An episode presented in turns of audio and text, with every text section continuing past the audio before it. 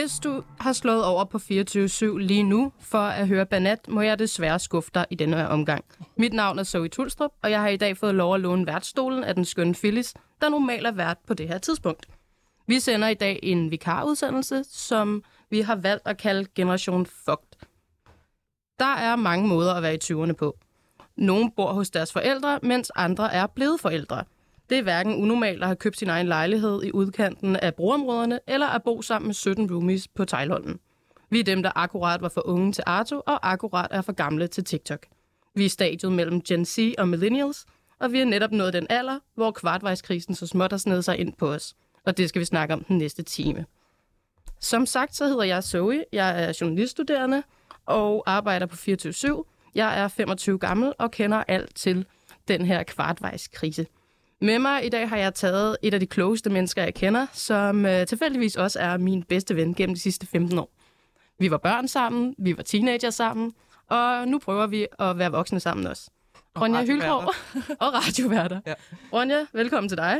Hej, tota- totalt mange gange tak for at have mig med. Øh, jeg er lidt nervøs. Jeg øh, har aldrig stået bag en mikrofon på den her måde før. Hvis jeg har, så har det været, fordi jeg har sunget i kor. Så det, det er ret fedt at få lov til at prøve noget nyt. Jeg hedder Ronja Hylkrog, og jeg er 25 år gammel. Jeg studerer internationale studier, og øh, så arbejder jeg for Red Barnet Ungdom. Og jeg har faktisk lige nu i gang med at skrive et projekt om generationer. Så øh, jeg prøver virkelig at tænke nogle af alle de her tanker, som jeg skriver i mit projekt, ned i øh, den her samtale, vi skal have i dag. Det er perfekt. Øh, det er godt, så fik vi også lige præsenteret dig som noget andet end bare min ven. Ja, Hvis, hvis du tænker kvartvejskrisen, hvad, hvad, er så, hvad kommer så først igennem din hjerne? altså det, er det første, jeg tænker på, det er, at man på den ene side er voksen, og på den anden side, så kommer jeg hele tiden selv til at tænke på mig selv som en teenager. Det er som om, jeg ikke rigtig er nået til et punkt, hvor det er, at jeg føler mig fast i en alder. Mm. Eller føler mig fast i en aldersgruppe, altså ja. på skillevejen mellem at være ung og voksen. Ja, det er Så- lidt ligesom om, at da man var øh, de der 13 til 19 år gammel, der var det ens krop, der var i puberteten. Ja. Øh, og man tænkte, hvad, hvad fuck sker der med min krop? Og når man så træder ind i 20'erne, så er det sådan ens hjerne, der er i puberteten, og man tænker, hvad sker der lige for det? Fuldstændig. Øh, jeg kan slet ikke finde rundt i noget som helst. Det er som om, at man... Ja, det er præcis det, du siger. Vi får gamle til at have været... Ja, vi, vi får unge til at have været på Arto, men får gamle til at være på TikTok. Det er præcis sådan, jeg føler mig, når jeg står og kigger mig selv i spejlet, eller går ned igennem Nørrebrogade. Altså, hvor man egentlig tænker, hvem, hvem er jeg egentlig med? Hvilket hold hører jeg sammen med på en eller anden måde, ikke? Jo, lige præcis. Altså, har du, har du oplevet sådan på nært hold, hvad, øh, hvad den her krise har gjort for dig? Altså midtvejskrisen. Øh, kvartvejskrisen. Åh oh, ja, det er rigtigt. kvartvejskrisen. Jamen, for mig har det jo rigtig meget at gøre med, at jeg på en eller anden måde forestiller mig selv som et succesfuldt voksent menneske.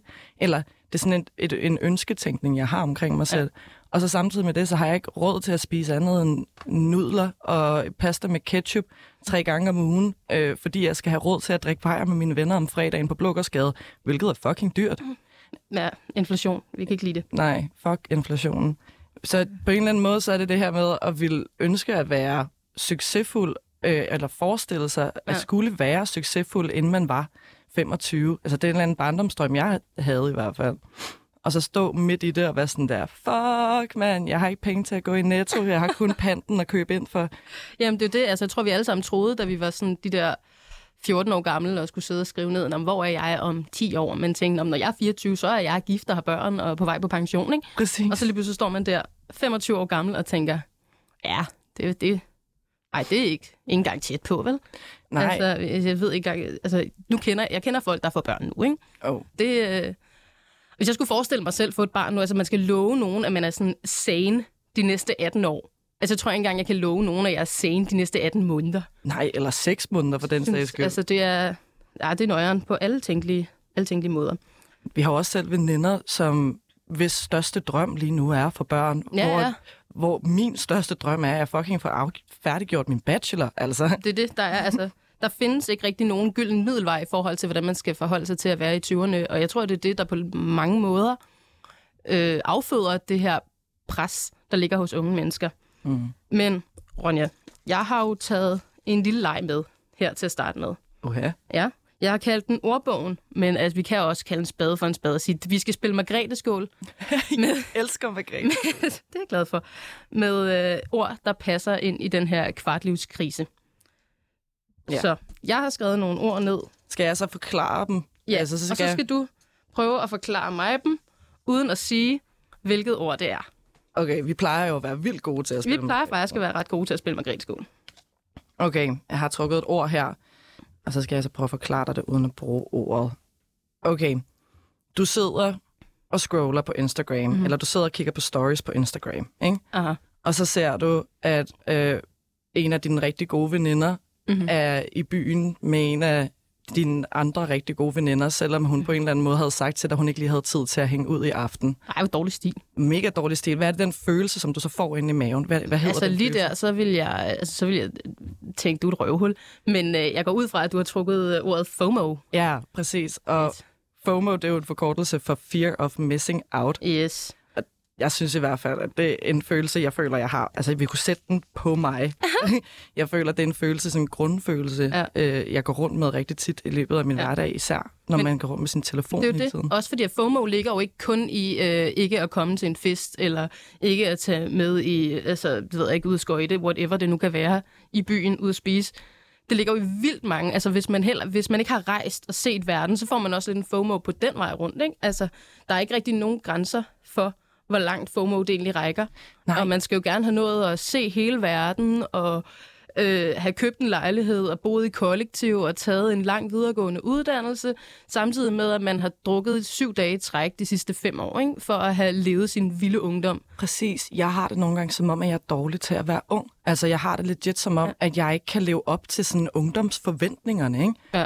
Altså, jeg ved ikke, hvordan du har det, men, men at tænke sådan, på den ene side, så er man god til at være ung, hvis det er, at man har været på en eller anden backpackertur i Asien, Ja. og hvis det er, at man også lige har fået straight A's i øh, øh, sit universitetsliv, ikke?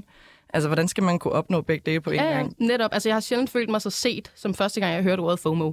Altså, det var der, det er, altså, man kan sige mange ting om, øh, og det skal vi også snakke om senere, om sociale medier, men, øh, men jeg tror, det er rigtig, en rigtig god måde faktisk at dele følelser mellem mennesker på, som man måske egentlig ikke ville have fundet frem til, hvis ikke det var der. Ja, altså sociale medier. Ja, På en eller anden måde, så får vi jo et helt unikt spejl ind i en, en kæmpe stor gruppe af unge Mhm. mm. menneskers liv, ja, fordi at vi bruger de sociale medier som vores dagbog, Ja. hvor man måske i gamle dage sad med pind til papir og skrev sine følelser ned og krængede sit hjerte ud eller sendte breve og havde pindevenner. Ja. Så det er bare noget helt andet nu med influencers eller 13-årige piger, der laver unboxing af mm. legetøj. Altså, det er ja, ja, det er meget nemt at blive underholdt i hvert fald. fuldstændig. Skal vi trække et ord? Åh oh, ja, oh, ja. Det var, altså, en- det var, godt, det var et godt ord, mand. Ja. Okay. Ah, shit. Okay, det her, det er vores værste mareridt. Øh, Åh, oh, nej. det er vores værste mareridt. Vi, vi har ikke råd til at være en del af den her klub. vi står og har, øh, har virkelig mega meget lyst til at skulle have et fast sted at være. Er det boligmarkedet? Ja, præcis, ja. mand. Boligmarkedet. Øh. Boligmarkedet. Ej, og vi kunne snakke i uger. Vi kunne holde et helt program, der bare handlede om det københavnske boligmarked. Ja, og ikke engang bare det Altså. københavnske, men også sådan, at det aarhusianske, eller, Mhm. mm-hmm. eller det, altså alle store byerne på en eller anden måde, fordi det er der, hvor studiebyerne er, det er der, Ja, ja, hvor univers- universiteterne er. Der er der jo rigtig mange unge, der godt kunne tænke sig at enten købe en ejer eller en andelslejlighed. Mm. Men, og det kunne vores forældre jo. Vi hørte jo om vores forældre, Ja. ja. der bare gik ned i banken, uden at have en eneste skilling på lommen, og sige, hey, øh, jeg kunne egentlig godt tænke mig sådan en lejlighed. Så jeg, yes, helt sikkert, øh, 30.000 koster Lige den." præcis. Og man var sådan, what, 30.000? Altså, jeg har ikke gå i netto for 30.000. Nej, fuck, man. altså, ja. Det, men det er ligesom om, at det er sådan en eksklusiv klub, hvor at, øh, at det ikke er alle, der kan få lov til at være med. Ikke? Fordi man, så ellers, enten så skal man have skrevet, været skrevet op til et eller andet i de sidste 17 år, Præcis. eller så skal man have et forældrekøb. Ja. Og ellers Og ikke et ondt ord om forældrekøb, men det gør det bare lidt svært, når man ikke har forældre, ja, ja. som der har råd til at købe en lejlighed. Ikke? Jeg forstår godt øh, fidusen om, at så har man lige sin pensionsopsparing øh, i sin ungers lejlighed de næste Mhm. 10 år, Jo, og så jo, kan man flippe den. Noget Og, der. nej, nej. Men, øh, men det, det sætter endnu et pres på folk, der ikke står i den mulighed for at få et forældrekøb. Ikke, For det er ikke fordi, det bare flyder med at lege lejligheder så til gengæld. Nej, og hvis du skal have en lejelejlighed, så skal du, så, ligesom du sagde i din intro, der have været 17 unge mennesker, der Ja, går sammen om en fireværelses i Tejlholm. Ikke? Altså, Amen, ja, det er et kaos. Vi vil godt have billigere boliger. Billigere boliger. Billigere boliger. Nå. Ja, og gerne inde i Indre By, med, hvor vi kan have gåafstand til universitetet og til Ja, alle at, klubberne. altså, man kunne jo bare flytte til altså, Ishøj Ja, det kunne man jo. det, og bo på et kollegie. Men det er der bare heller ikke nogen, der gør. Der, Fordi jo, der ligger et pres. Og, jo, jo, der er folk, der bor i Ishøj bevares. der er folk, der bor i Ishøj. øh, Rip, venner, vi, vi føler mere. ja. Okay, skal jeg trække et ord mere? ja, gør det. Okay. Okay, det her det har stået på nummer et på rigtig mange af valgplakaterne overalt øh, i de københavnske og alle andre gader. Det er Øh, klima. ja, det er klima, Det er klima. Klima. Ja, altså, vi, er jeg var vi er jo generation klima.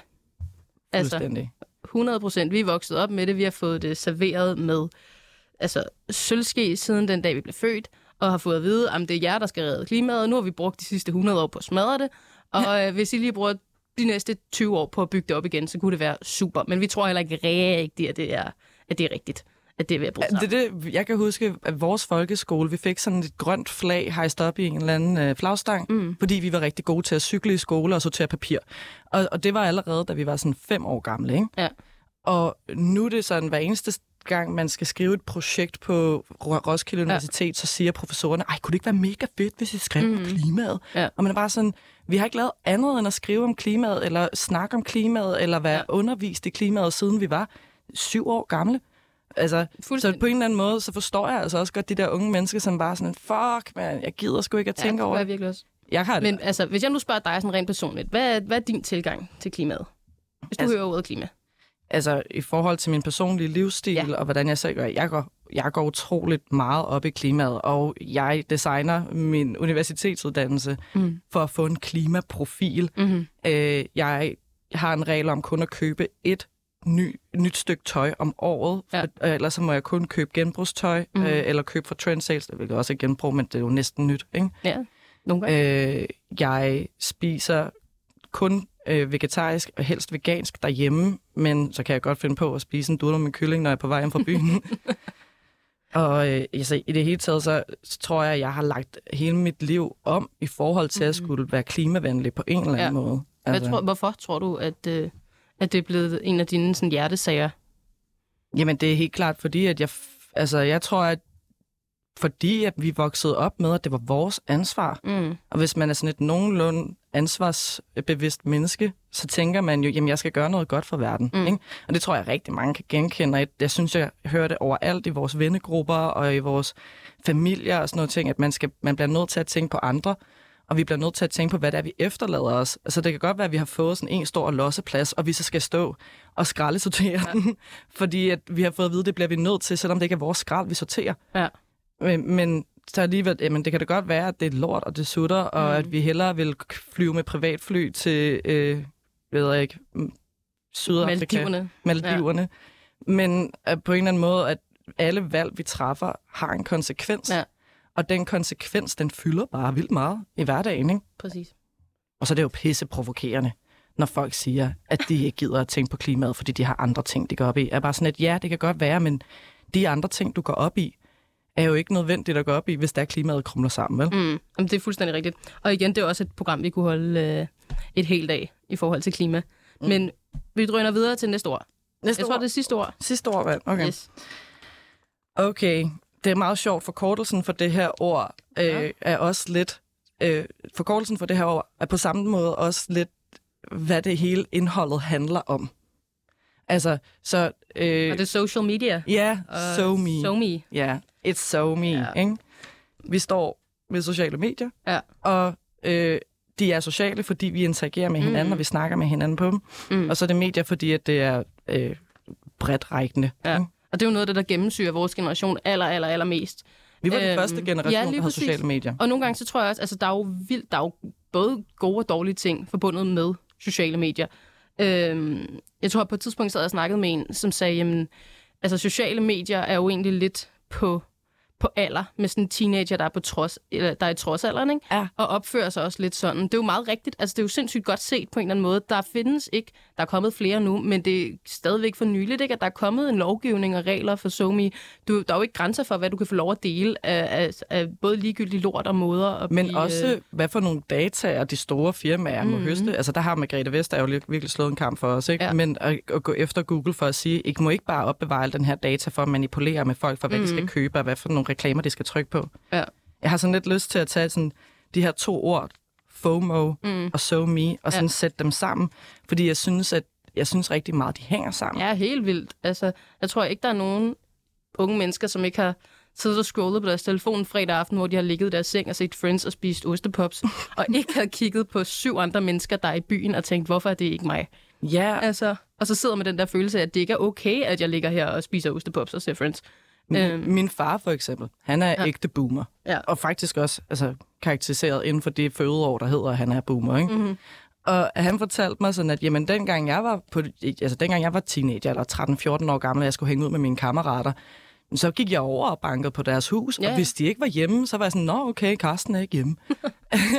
og så gik han hjem igen og havde det fint med sin hverdag. Ikke? Mm. Hvis det er, at jeg spørger mine kammerater eller venner, om de kan hænge ud, og de siger nej, eller at de siger, at de vil lave et eller andet andet, ja. eller at de ikke lige har tid i dag, men så får jeg jo sådan et, åh oh, nej, jeg er kedelig, jeg har ikke noget at lave, fordi Ja, ja, ja. jeg går ikke, altså jeg kan jo ikke bare sådan, jeg ligger stadigvæk i min seng og føler mig ensom. Ikke?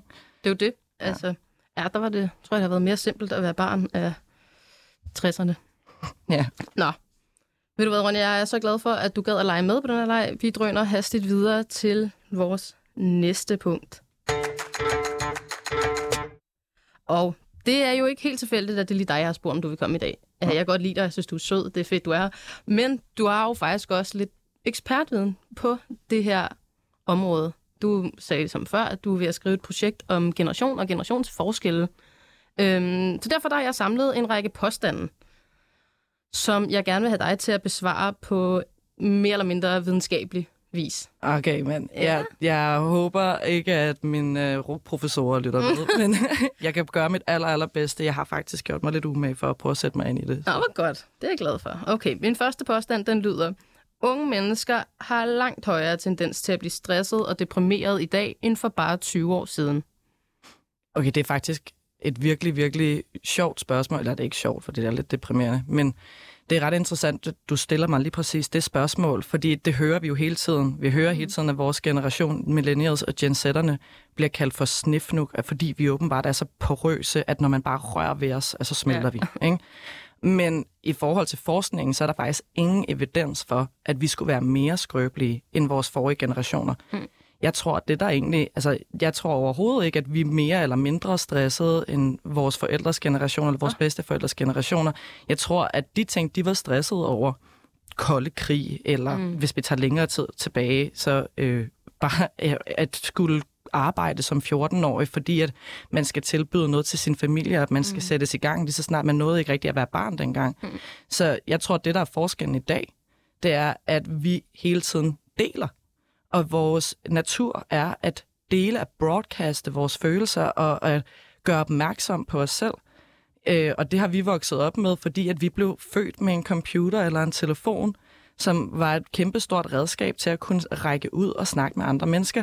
Så jeg tror ikke, at, eller der er ikke noget forskning, der peger på, at vi skulle være mere porøse eller skrøbelige eller blive mere deprimeret. Men, men, men der er en stigende mistrivsel.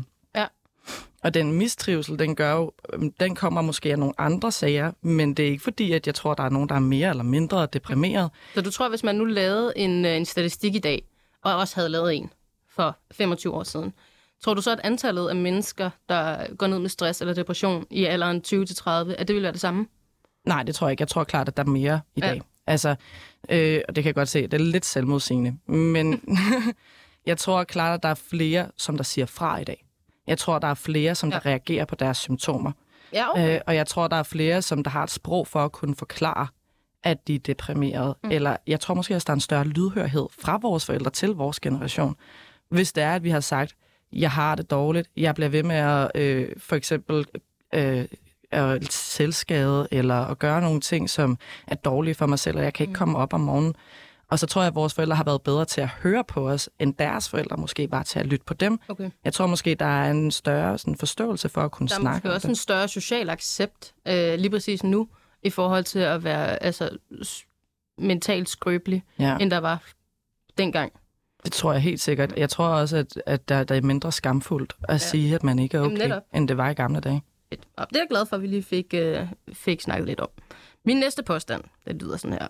Folk i 20'erne er mere tilbøjelige til at tage en længerevarende uddannelse på grund af samfundets krav, og ikke fordi de har lyst.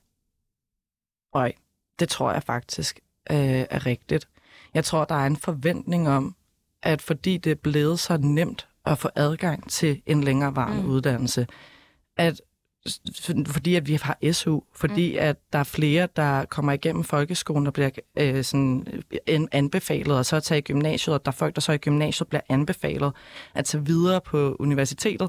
Jeg tror, at fordi at vi har puttet nogle reformer og noget økonomi ned i vores uddannelsessystem, som har udvidet universitetet og reformeret universitetet, mm. at så er det helt klart, at der er flere mennesker, som der så også tager på universitetet, fordi deres forældre siger, hvis jeg havde haft de muligheder, da jeg ja. var på din alder, så havde jeg med været borgmester og skive nu. Ikke? Altså, og det er jeg bare vildt glad for, du siger, fordi det er for eksempel sådan et pres, jeg selv føler, at jeg har oplevet. Ikke? Altså, men jeg tænkte ikke særlig meget over at gå i, at gå i folkeskole. Det var fint nok. Altså, man havde heller ikke noget liv i folkeskolen. Ens liv, det var at gå i folkeskole. Præcis. Altså, og sådan var det egentlig også lidt i, sådan, du ved, første G, måske halvvejs ind i 2G. Så bliver man 18, og så finder man ud af, at man går i byen. Eller bare lave ting generelt, at man får venner på kryds og tværs, og har det sjovt og sådan noget. Og jeg tror, efter det, så er det virkelig gået op for mig, at øh, jeg virkelig hader at gå i skole. Ja. Altså, jeg hader det virkelig meget. Men man er også sådan lidt nødt til det. Altså, jeg har alligevel taget en uddannelse, og, eller i gang med det, prøver på det. Forsøger, øh, selvom mig at, hvis, jamen, præcis, altså, men at hvis det nu 100% stod til mig selv, så havde jeg måske lavet være. Altså, jeg hører måske til den gruppe, som der virkelig godt kan lide at gå i skole. Mm. Der er vi jo meget, meget forskellige, du og jeg. Ja. Jeg trives rigtig godt i skolen, eller på universitetet, hvis min mor lytter med. Du må undskylde, jeg kalder universitetet for skolen. Det må man overhovedet ikke. øhm, jeg, jeg kan rigtig godt lide det, fordi at jeg kan rigtig godt lide at fordybe mig i de her ting. Jeg kan godt lide at læse, jeg kan godt lide at studere, jeg kan mm. godt lide at forske. Øh, men jeg har rigtig mange venner, ligesom dig, som der bare sådan, hvor skolen hænger dem bare fucking langt ud af halsen, og de har ikke lyst til at gøre det, men de føler, at de skal, fordi de skal på en eller anden måde bruge de ressourcer, som de har, til at gøre noget godt for verden. Og det tror jeg er ret generaliseret, eller sådan karakter, karaktertræk ved vores generation, mm. at vi har fået at vide, jamen du har alle de her værktøjer, du har alle de her ressourcer, hvis du ikke bruger dem, er du bare egoistisk og doven. Ja. Og hvis der er en ting, ja. som vi er fucking bange for at være, det er at være dogne eller egoistiske. Ja. Ja. Præcis. Godt.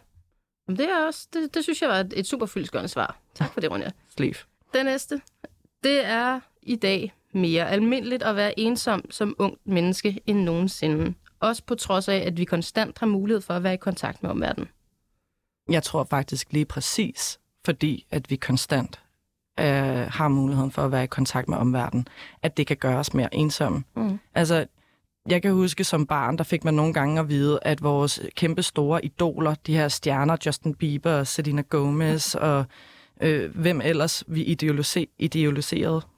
ja, ja, excuse me. Idoliseret. Jeg ved det ikke. Dem vi så op til. Dem vi så op til. Yes da, da de kom ud i interviews og, på, og fortalte, at de var ensomme, eller at øh, de havde dårligt selvværd, så kunne man jo slet ikke forstå det, fordi der var jo så mange mennesker, der gerne ville være dem, gerne ville være sammen med dem, gerne ville bolle med dem, gerne ville alle mulige ting. Så hvordan kunne de være ensomme? De kunne jo bare lige række frem og tage det ind. Mm. Men på samme måde som, at man, når man står i et propfyldt supermarked kan føle sig som er helt alene, som om man er ude på månen på en eller anden måde. Ja. Altså, jeg tror, det er det her med, at man hele tiden er omringet af det sociale. At man hele tiden er omringet af mennesker, der interagerer med hinanden, mennesker, der har meningsfulde relationer.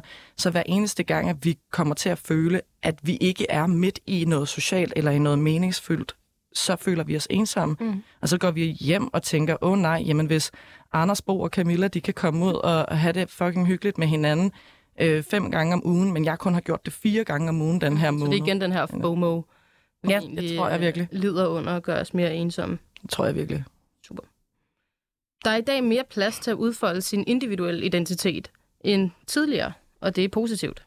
Det er jeg enig i. Det tror jeg helt sikkert, at der er. Altså, nogen vil jo sige, at det ikke var positivt. Men, men jeg vil jo sige, at det var positivt. Den her, den her mulighed, vi har for øh, at kunne udfolde vores identiteter. Vi kan på den ene, altså okay, der, der er flere dimensioner i det her, vi kan snakke om det i lang tid, ja. ikke?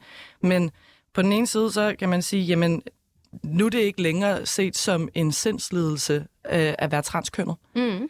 Jeg tror, at det har jo så gjort, at folk, som måske har gået og følt sig, øh, eller okay. været transkønnet, ja på den ene eller den anden måde, øh, før har holdt det tilbage, fordi øh, så vil de mm-hmm. måske blive stemplet som værende, øh, have en sindslidelse. Ja.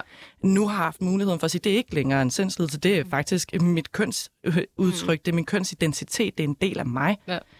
Ja, Selvom, selvom at der er kommet den her mulighed for ligesom at udfolde sig selv og være socialt acceptabel i det, tror du så også, at det former en eller anden form for pres i forhold til at skulle være unik Ja. og være interessant hele tiden og ikke være mainstream? Jeg tror på en eller anden måde, at hvis man er øh, født øh, cis-kønnet mm-hmm. og øh, heteroseksuel, at så kan man måske godt komme ud i nogle tangenter, hvor man føler sig sådan lidt kedelig. Ja. Øh, øh, nu er jeg selv panseksuel og non-binær, og sikkert vil, jeg ville sikkert ikke have været begge de dele, hvis det var, jeg havde vokset op i en tid for 30 år siden. Det havde jeg jo nok inderst inde, mm. men jeg havde ikke brugt det som en del af noget af det, som jeg siger om mig selv, tænker om mig selv, mm. fordi at det ikke havde været, der havde ikke været et publikum, der havde været lydhør over for det. Mm. Jeg tror, at fordi på en side, at vi har sociale medier, øh, jeg brugte selv rigtig meget Tumblr, Ja. da jeg var sådan 14-17 år gammel. Der sad jeg virkelig meget på Tumblr. det? Hvad skete der med det? Ej, det er Vi virkelig få rip det- Tumblr. Det, det eksisterer stadigvæk. Det Gør det fint. Ja, det Ah, okay. eksisterer stadigvæk. Det er okay, men det er overhovedet ikke på niveau. Det er ikke blevet opdateret siden. Nej, 2015 Tumblr, det var altså det fedeste. Ja. Oh well. Men altså, bare lige for at færdiggøre min Ja. tanke der. Nu blev jeg lige Undskyld. memory of, of Tumblr. Nå, men der kunne vi på en måde finde nogle fællesskaber. Det kan godt være, at vi ikke havde de fællesskaber i vores lille lokale samfund i Horsens. Altså, mm. der, der vidste man jo ikke, hvem der øh, havde den ene eller den anden kønsidentitet, eller den ene eller den anden øh, politiske holdning, som der skilte sig ud fra, hvad naboerne havde. Men da vi så fik internettet og fik mulighed for at kunne kommunikere med folk i hele verden, eller bare dem, der er i byen ved siden af, eller i landet ved siden af, så har vi på en eller anden måde kunnet se, at der er flere mennesker, der er ligesom os. Ja. Og at vi derfor ikke er alene, og at det er okay at stå frem. Og så tror jeg også, der er en solidaritet i, Mm. at hvis du så står frem, så, gør du, så baner du vejen for rigtig mange andre, som der ikke kunne stå frem. Så igen, så tror jeg, det hænger sammen med det her kæmpe store øh, karaktertræk, der er ved vores ungdom, eller vores generation, der er en ansvarsfuldhed. At det kan godt være, at du måske ikke ville have flaget med det, det måske ikke lå i din natur, men fordi du har fået at vide, at du skal bane vejen for resten af dine medmennesker, så tænker man, okay, men så bliver jeg sgu også nødt til at gå ud og sige på live radio, at jeg er non-binær.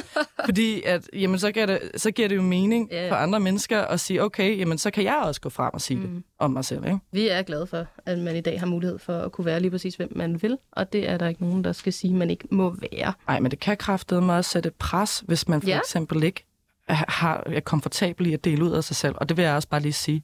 Det er helt okay. Din sag er din sag. Ja, lige præcis. Godt. Kvartlivskrisen, Ronja, det er min Ja. sidste påstand. Det er bare kølingbørn med ondt i røven over at skulle tage ansvar. Oh my god. Uh, det er virkelig en kæphest for mig. Mhm. Mm-hmm. Uh, ja, der er fandme mange kølingbørn. Og ja, det er fucking nederen at skulle tage ansvar. Men som jeg har sagt allerede i de sidste tre spørgsmål, du har stillet mig, den her ansvarsbevidsthed, mm. det, her, det her store, hvad kan man sige, dårlige samvittighed, der følger os hele tiden over, at vi ikke gør nok, vi ikke præsterer nok, vi Men ikke hvem er det, vi nok. har dårlig samvittighed over for? Er det ikke bare os selv? Jeg tror, jeg tror ikke, at det er os selv. Jeg tror på en eller anden måde, at vi har en forventning om, at vi skal kunne bære øh, verden på vores skuldre, fordi vi hele livet, på, måske på grund af, at vi har været curlingbørn, fordi at vores forældre har gået og sagt til os, siden vi var så små, du er så fantastisk, og du kan blive statsminister, og øh, solen står op og går ned i din røv, og vi elsker dig, og du kan alt. Mm. At når vi så står på den anden side af vores øh, øh, på den anden side af 20 år gamle og begynder at skulle realisere at være det her menneske, som der har verden på sine skuldre, og at man er så fantastisk. Hvis man så ikke føler, at man selv lever op til Ja, det. men så lige pludselig bare finder ud af, hov, alle de andre havde også fået at vide, at de var verdens navle og skede glimmer. Ja, præcis. Øhm. Ikke? Så, så står man jo lige pludselig og tænker sådan, ah, fuck mand, mm. det er da mega svært, hvis jeg troede, at jeg var så speciel. Men i virkeligheden er jeg totalt almindelig og ligesom alle andre. Det må være et kæmpe, eller det er et kæmpe øh, sug i maven, mavepuster for at vide, at man faktisk ikke er øh, et geni eller øh, skønhedsdronning eller whatever. Ikke? Og Det, det bringer os faktisk rigtig godt frem til, hvad vi skal snakke om næste gang. Vi skal snakke lidt om mistrivsel blandt unge mennesker. Ja. Øh, fordi som vi snakkede om før, så er der jo altså en stor, høj grad af folk, som både er psykisk belastet og måske også er fysisk belastet.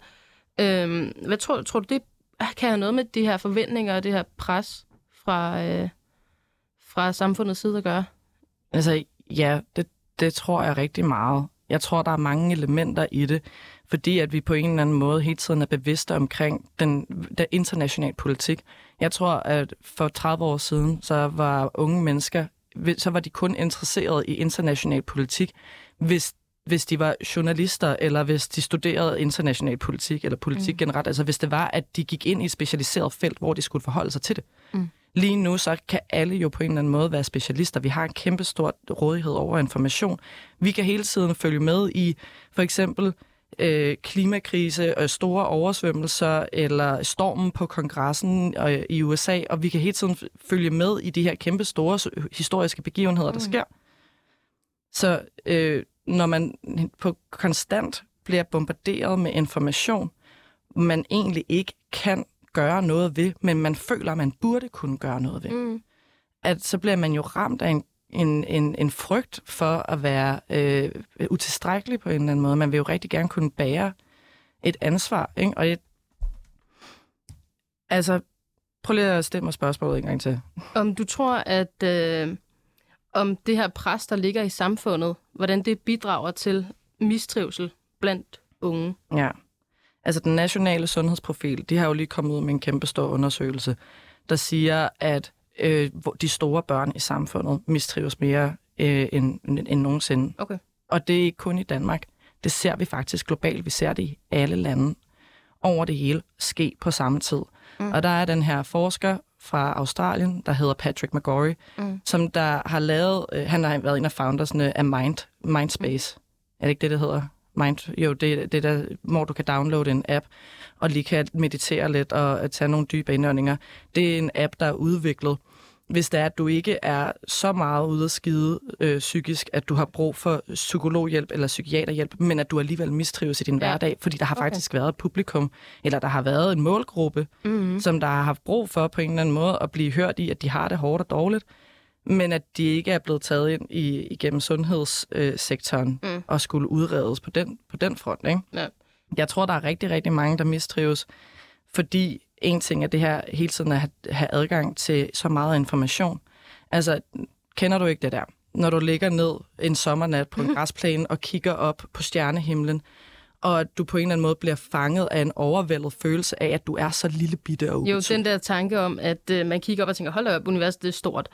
Og så tænker man, okay, men hvis universet det er alt, jeg opfatter, mm. og der er 7 milliarder mennesker på den her klode, mm. som opfatter det anderledes, så er universet egentlig 7 milliarder gange større, end, du end jeg kan forestille mig. Ja. Altså, det er en ret vanvittig tanke. Jo, det kan jeg godt følge. Og men det... hvis vi lige fortsætter den her tangent og siger, okay, min, øh, i, der har lige været valgkamp, mm. ja, øh, og et af de helt store fokusområder, særligt hos Rød Blok, var øh, psykiatri mm. og unge mennesker. Og faktisk ikke kun hos Rød Blok. Der var også Venstre, og det var også øh, radikale. Ved jeg ikke, hvad der radikale identificerer sig selv. Det var også Moderaterne. Det var, øh, der var rigtig mange forskellige partier, som der gik frem. Altså, nu var det hovedsageligt Rød Blok, mm-hmm. ikke? Men det har også været en mærkesag for dem i mange år. Men hvad tror du kommer, altså, hvad, tror du, det vil hjælpe på mistrivsel blandt ja. mennesker, der går igennem den her kvartlivskrise? At de voksne mennesker med store tillidsposter i samfundet mm. kommer frem og anerkender, at det er et problem det hjælper på at løse problemer. Ja. Fordi at det sætter, nu har de jo lavet det som valgløfter, hvis de ikke følger op på de valgløfter, jamen så har, øh, så har befolkningen god grund til at vælte regeringen. Ikke? Mhm. Det sker sjældent. Men det, men, men det kan man, og, og det er fordi, man kan stille mis, mistillid til de her øh, personer. Ikke? Ja når de siger til os, at de vil gøre det nemmere at skulle komme til psykiatrien, der er på de korteste ventetider til private psykiater, er på fucking 32 uger. Er det, okay? det er jo vanvittigt. Der er så mange mennesker, som der står og siger, jeg har brug for hjælp, jeg har brug for hjælp. Og de kan ja. ikke komme til. Fedt. Eller ikke fedt, faktisk ret ufedt. øh, og det er helt sikkert noget, der skal gøres noget ved. Det håber vi, at der er nogen, der gider at gøre noget ved. Mm. Men, øh, men det var lige for at runde af omkring mistrivsel hos unge mennesker. Mm.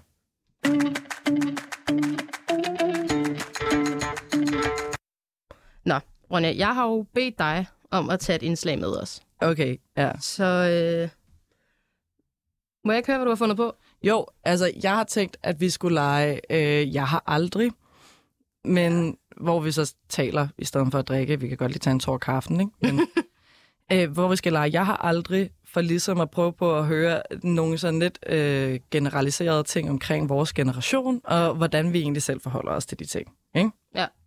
Okay, mit, mit første spørgsmål, det er, jeg har aldrig troet, at jeg ville have fået mit første barn by now. Ja, det har jeg. Ja. Altså i høj grad. Og dog så alligevel, altså i lang tid, jeg tror, i min teenageår, der var jeg rimelig overbevist om, at jeg aldrig ville have børn, ikke? Så der var det, der, der tænkte jeg nok ikke det. Men, men da jeg var barn, du ved, hvis jeg havde tænkt ud i fremtiden, om 25, wow, der har nok fået barn. Jeg er Ja. nok blevet voksen. Måske har jeg en hest også. Måske har mit barn en hest også.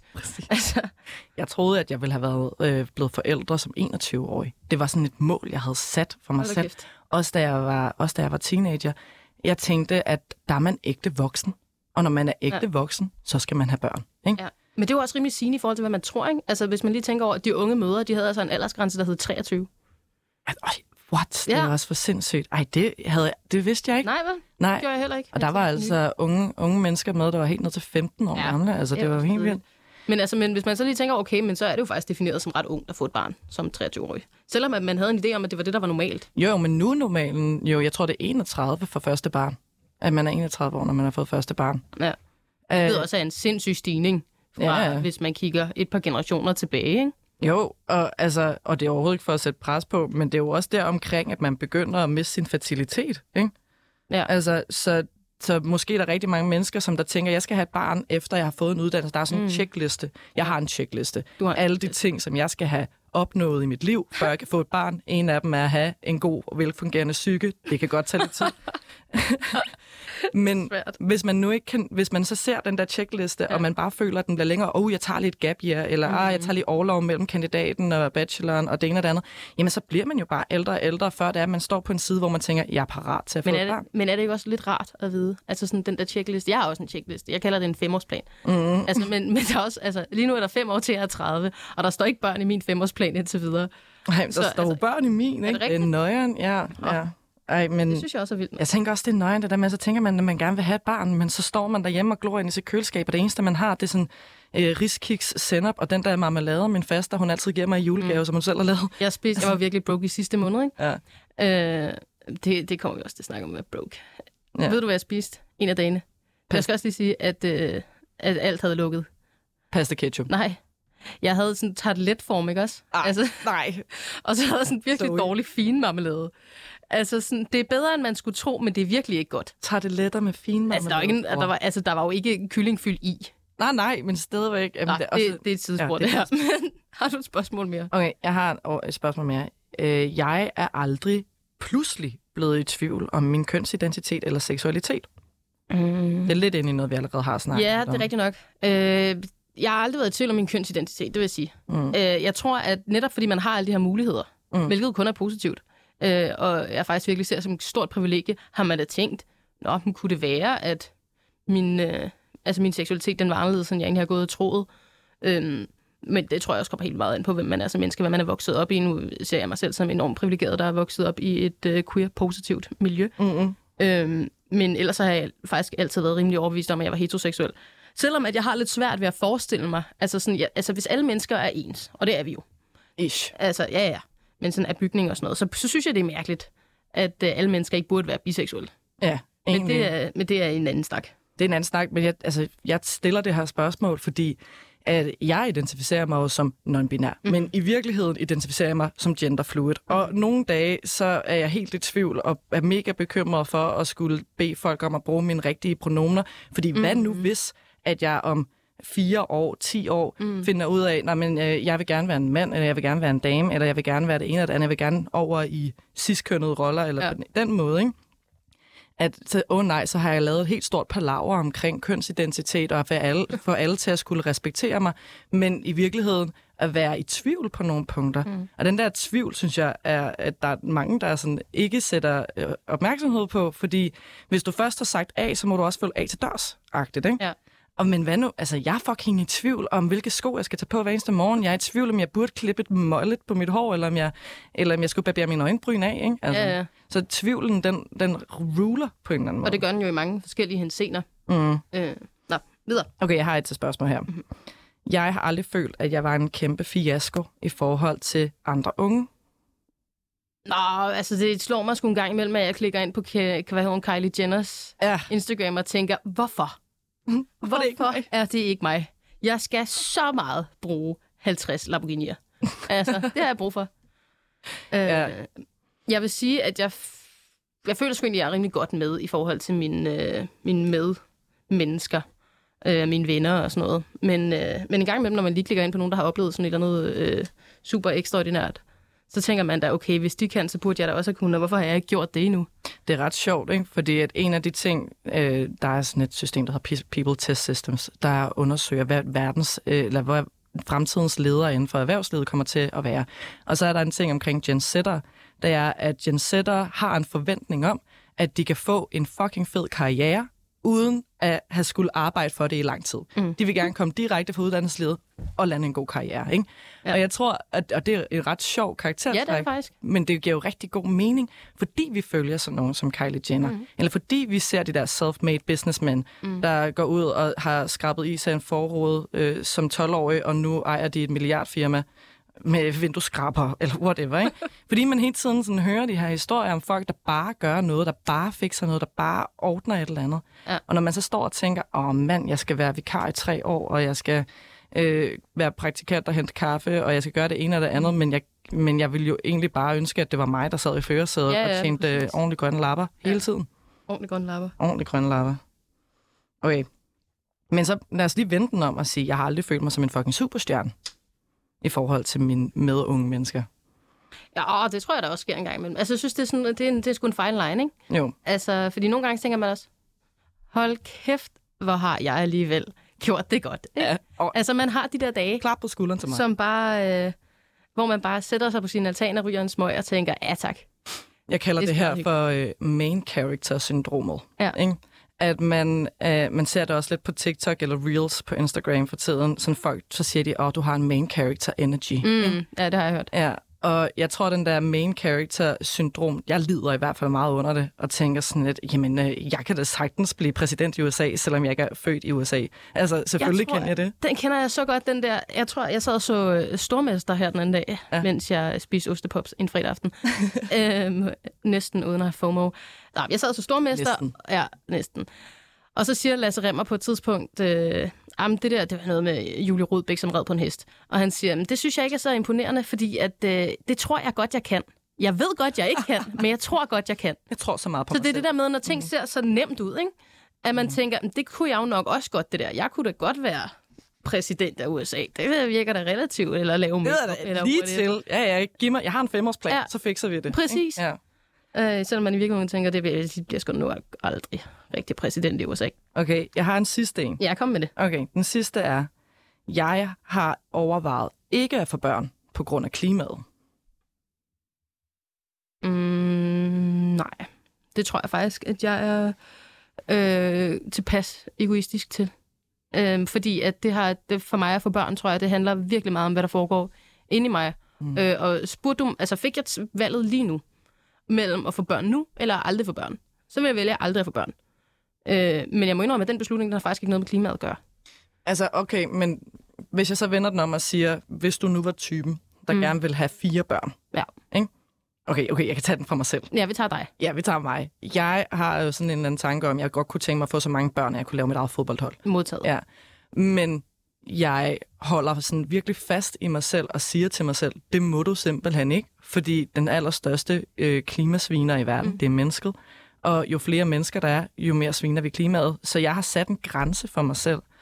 Selvom at jeg i virkeligheden har en, en ægte drøm om, mm. gerne vil have i hvert fald fire børn. Ikke? Ja. Så men det er også et enormt pres at sætte på sig selv på en eller anden måde. Jo, men, men jeg synes også, det er en realistisk ting at tænke over. Jamen, det synes altså, jeg da absolut også. I, altså. Kina, der havde de jo, øh, I Kina, der havde de jo den der et, etbarnsregel i lang tid. Ja, men den var så også rimelig langt ud af skide. Rimelig langt ud af skide, men de var jo overbefolket, og de havde ufattelig stor fattigdom, ja. og de havde ikke øh, mad nok til at kunne ja. øh, brødføde hele landet. Så reglen blev jo sat for at passe på befolkningen. Mm. Lidt kontrollerende, må man sige. Ikke? Men, men hvis man så tænker bare på det i forhold til klimaet, jamen vi har en voksende befolkning, lige om lidt, der runder vi de der 8 milliarder mennesker, ikke? og der er halvdelen af verden lever i total sult og uden ordentlig, øh, uden ordentlig tag over hovedet og mm. alt muligt andet. Mens vi heroppe i Vesten bare kører rundt i vores fede Lamborghini'er og bor i seksværelseslejligheder, selvom vi kun er to mennesker. Ikke? Altså, mm. Så der er sådan en ulighed over det hele, og der er den, især den her klimaulighed. Og jeg tænker i hvert fald, selvom at jeg har den her drøm omkring at vil have rigtig mange børn, jamen så... Ja vil jeg også prøve på ligesom at sige, okay, jamen måske er det lidt egoistisk, at jeg bare gerne vil føde en masse børn, Mm. eller hvad jeg gør mig til at gøre, fordi at jeg egentlig godt ved, at det ikke er godt for klimaet, og at øh, der er mange andre mennesker, som der faktisk ikke har muligheden for at kunne lade være med at få børn, for eksempel. Ikke? Altså, jeg kan jo hele tiden, jeg har muligheden for fri abort, prævention og alt Mm. muligt andet pisse. Ja, vi er heldige. vi er ret heldige i den der. Så jo, jo, Måske er vi egentlig bare...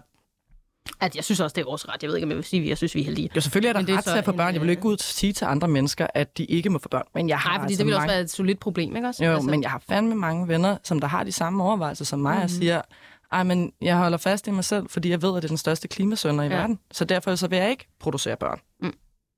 Det synes jeg er en, en, en overvejelse til overvejelse. En overvejelse. En overvejelse til overvejelse. Som vi siger på godt gammeldansk. Ja. Nå, det synes det var tak for det indslag, Ronja. Det synes jeg var godt. Det er jeg glad for. Tak. Øh, jeg tænker, at øh, her, mens vi rækker mod enden, så, øh, så tager vi lige sådan en... Øh, du er i din kvartlivskrise. Hvad skal du gøre? Så, Okay. Ja. Så der prøver, vi prøver lige at redde livssituationen for alle folk mellem 20 og 30 år No pressure. på de næste 8 minutter. Ja. Jeg har stillet en række spørgsmål, og så tænker jeg, at så prøver vi sammen at finde ud af, hvordan løser man det her bedst muligt. Okay, og vi er jo altid så enige, du og jeg. Yes. Så, første. Jeg er broke på SU. Det er den syvende i måneden. Hvad skal jeg gøre? Åh, oh, jeg har været der så mange gange. der har vi to jo faktisk et Ja. skide godt trick. Mm. Øh, nej, altså vi har et skide godt trick om, at vi samler al panten for alle de fester, som vi har været til, eller holdt i vores lejligheder, eller eller det andet, og samler panten i det her kæmpe store skab. Og når det så er, at skabet ikke kan lukkes længere, så går vi ned og handler en masse, masse varer ind, som vi ellers ikke kommer til, altså som kan holde sig rigtig lang tid. Ikke? Mm-hmm. Konserves derudad. Det er konserves, det er, altså du har en virkelig god ret med pasta. øh, hvad er det? Pasta, tomatpuré, en lille smule brun sukker, og hvad er det mere, du putter i? Det smager fucking godt, og det koster 9 kroner. Ja, men det er røvgodt. Det er, Ja. Og det er virkelig sådan, hvis man tænker, okay, det her det er lavet af 9 kroner, så smager det ekstra godt. Ja, præcis, ikke? Men jeg tænker også bare sådan til, altså man har jo egentlig ret tit ret mange venner, Mm. der er, øh, der er broke, ikke? Så det der med at spise sammen, Ja. er jo også, altså det er jo billigere at lave mad til flere mennesker, end at lave, kun at lave mad til sig selv, ikke? Altså nu, du bor godt nok sammen med din kæreste, og jeg bor alene. Øh, så det kan lige pludselig blive ret dyrt at skulle stå og lave mad til kun to eller et menneske. Ja, Men hvis man så lige øh, var fem mennesker, der spiser sammen, så koster det altså nothing at lave dal. Eller hvis det er, at man laver en kæmpe stor portion, Ja. og så fryser den ned, og så har man ligesom mad til hver dag i måneden. Ikke? Mm. Det er en ting. En anden ting er, at det er billigere at spise vegetarisk, Mm. og det er billigere at købe genbrugstøj, for eksempel også. Ikke? Så man kan, man kan, hvis det er, at man sådan skalerer lidt ned på øh, nogle af de her sådan, luksusvarer, Mm. så kan man også måske holde sin økonomi det længere.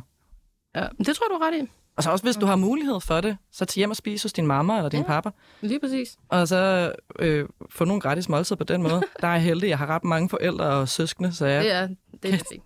jeg kan jo godt komme igennem en halv måned bare på at tage hjem og spise hos familiemedlemmer. Du, du er sofa-crasher, ikke? Du er sådan en middagsbord-crasher bare. Præcis. Fedt. Okay, næste. Jeg mangler et sted at bo. Hvad gør jeg? Ah, Det er jo ikke unormalt. Altså, det er jo ikke unormalt for folk, at øh, de lige pludselig mister deres bolig. De fleste unge mennesker på SU, hvis ikke de har fået et forældrekøb, eller på mystisk vis selv har købt en lejlighed, så bor de jo til leje. Ja, Øh, altså der vil jeg sige, jeg har selv boet i kollektiv mm, i Husum, mm, og det var virkelig billigt at bo Ja. i kollektiv i Husum, fordi der er ikke nogen, der gider at bo i kollektiv i Husum. Så altså, hvis du virkelig står i en lortet situation, så søg lidt ud af bruger, brugerområderne. Ja, men det er det. Og så bo i et kollektiv, hvor der er flere mennesker, hvor du kan lege et værelse, i stedet for at øh, tænke, at du skal være en eller anden influencer-type, der har en, en uh, penthouse-lejlighed ved søerne i en alder af 22. Det, Ja. ja. det er fucking svært. Mm, Så nedskaler dine drømme en lille smule omkring location, og Ja. ja. så... Øh, hvad have, altså, så sig til dig selv, det skulle da også meget fedt ude ved huset, der er voldene, og ja, der, det, der tager kun 22 minutter at komme til Nørreport det er rigtigt. Station. Det er Det faktisk fortalte du mig. det er rigtigt nok. Det er lige noget ved Husum, ja, Husum station, så tager man bare se toget. Perfekt. Ja, næste. Jeg er blevet i tvivl om, min uddannelse er den rigtige, men jeg har ikke nok SU-klip til at tage en ny. Hvad Ej. gør jeg? Åh, den er så sutteren. Er den? Dit liv skal jo ikke være styret af fucking SU-klip. Nej. Altså, jeg forstår godt, den er det, fordi man vil gerne have en uddannelse, og man vil gerne kunne have en eller anden latinsk titel på et papir på den ene Mm. eller den anden måde. Men der er jo også uddannelser, som der ikke giver SU. Altså erhvervsuddannelserne rigtigt. for eksempel. Ikke? Ja. Hvis du nu står der og tænker, nu er det mit øh, 9. semester på medicin, Ja. Og, øh, Jeg magter ikke at være læge. og jeg gider fucking ikke at være læge. Jeg synes faktisk, blodet er mega ulæks. Ja. Øh, hvad skal jeg gøre? Der er Jamen- en skovl. Men hvad nu hvis... Men ja, Altså, så kan du ligesom trække dig lidt og sige, jamen måske behøver jeg ikke at have en universitetsuddannelse. Mm. Måske kunne jeg sagtens overveje at tage en erhvervsuddannelse, eller måske skulle jeg bare ikke have en uddannelse. Mm. Men okay, også fordi, at men lad os sige, at, øh, at du tager den her uddannelse færdig, og så bliver du ked af det de næste 30 år. Altså, det er jo ikke det værd. Det er jo ikke det værd. Øh, så må du da hellere arbejde lidt ekstra de næste tre år, du nu vil tage dig og tage en ny uddannelse. Det, altså, det vil jeg sige er en ret god investment. Man i skal bare passe på, at man ikke bliver stresset, ikke? Altså, skal man. Man skal jo ikke tænke, Ja, så må man flytte til Husum i kollektiv. man må flytte til hus som ja. Ja. kollektiv. Det kan man også gøre som voksen jo. Men- ja. Men seriøst, erhvervsuddannelserne, der er jo, der er jo mesterløn og sådan nogle ting, i stedet for altså, blive tømrer, blive dyrepasser, øh, Mhm. Prøv noget andet end, end de der akademiske uddannelser. Det, hvis det ikke er dig, så er det ikke dig. Du skal ikke tvinge dig selv til at gøre noget, bare på grund af, at du synes, at det skal være prestige, eller du tænker, at du skal have en stor løncheck. Mhm. Altså, lykken er fandme mere end penge. Det er rigtigt, Ronja. Nå, vi tager næste. Mine forældre sætter et pres på min fremtid. Hvordan siger jeg fra? Den er virkelig, virkelig svær. Det er den. Også fordi der er mange forskellige typer forældre. Der er mange forskellige typer forældre. Jeg tror i virkeligheden, så vil forældre jo gerne have, at man er glad. Men som vi også snakkede om tidligere, så vores forældre, de synes jo, at solen går op og går ned i vores numse, mm. og øh, vi skider glemmer og alt muligt andet fedt og fantastisk. Mm. Øh, hvis man på en eller anden måde kan sige til dem, hey, det er mit liv, det er ikke dit liv. Det kan godt være, at du fødte mig, men du har ikke nogen rettighed over mig. Altså, længere jeg er 18 år, eller over 18 år gammel, lad mig leve mit eget liv. Mm. Øh, uanset hvad det er, jeg gør. Du bliver nødt til ligesom at have en, en meget, meget stærk kerne på en eller anden måde, for at kunne sige fra over for dine forældre. Mm. Det er fucking svært. Ja, også fordi det er jo tit dem, man egentlig gerne vil gøre stolte, ikke? Jo. Altså, som ligesom har opdraget en, så man skal kunne blive et eller andet spændende. Men Ja. altså, præsentere dem for et andet alternativ, end det, som de selv kommer med. Mm. Min, min måde har været, jeg har også haft forældre, som, eller, som, som synes, at jeg er fantastisk. Mm. Og derfor har jeg måske følt et pres for, at jeg skulle være alt muligt, øh, som jeg ikke rigtig følte, at jeg kunne leve op til. Mm. Det jeg så gjorde, det var, at jeg satte mig ned og koncentrerede mig om at præsentere et alternativ med mange forskellige punkter, hvor jeg kunne sige, se far, eller Ja. se mor. Jeg, jeg, kan faktisk, jeg kan faktisk godt blive succesfuld og lykkelig og glad, Uden at følge dine råd. uden at følge dine råd. Jeg har faktisk tænkt over det selv. Altså vise ja. noget omtanke omkring, altså sådan noget, noget grundighed, noget umage. Ja. ikke? Det er rigtigt. Ja. Der er to tilbage. Jeg tror lige, vi når de to sidste. Alright. Så er den næste. Jeg ved ikke, om min kæreste er den rigtige for mig. Jeg tror, der er mange mennesker, som føler sig, øh, føler sig rigtig meget i tvivl, og som måske er nået en alder, hvor at, øh, man tænker, åh oh shit, men jeg vil også gerne have børn, og kan jeg nå at finde en ny og få børn med, hvis jeg nu går fra Altså, ham eller hende, jeg er sammen med? Mit, mit allerstørste råd i forhold til sådan noget kærlighed, og det er for det første, så skal du ikke få det til at hænge sammen med en livsplan. Mm. Fordi at hvis du så står der og tænker, jeg kan ikke back out, fordi at jeg har ikke lyst til at blive skilt, når jeg er 35, eller øh, hvordan det er, at mine børn, de skal, altså, hvis det er, at du tænker, jeg bliver nødt til at følge det her til dørs, fordi jeg har ikke tid til at finde den rette mage ellers, Mm. jamen hvad så om 10 år, eller skud til 15 år, hvor I så bliver skilt, og så skal du på den måde også få det til at hænge sammen, ikke? Så så længe du er Altså- glad for, hvordan det er lige nu, så bliv ved det. Og Ja. så bliv det det, til du ikke er glad for det mere. Det var faktisk alt, hvad vi nåede for i dag. Tusind tak, fordi du gad at være med, Ronja. Jeg håber, at der er nogen, der har fået en lille smule ud af en, måske bare en lille smule ro i øh, sin egen kvartlivskrise her i dag.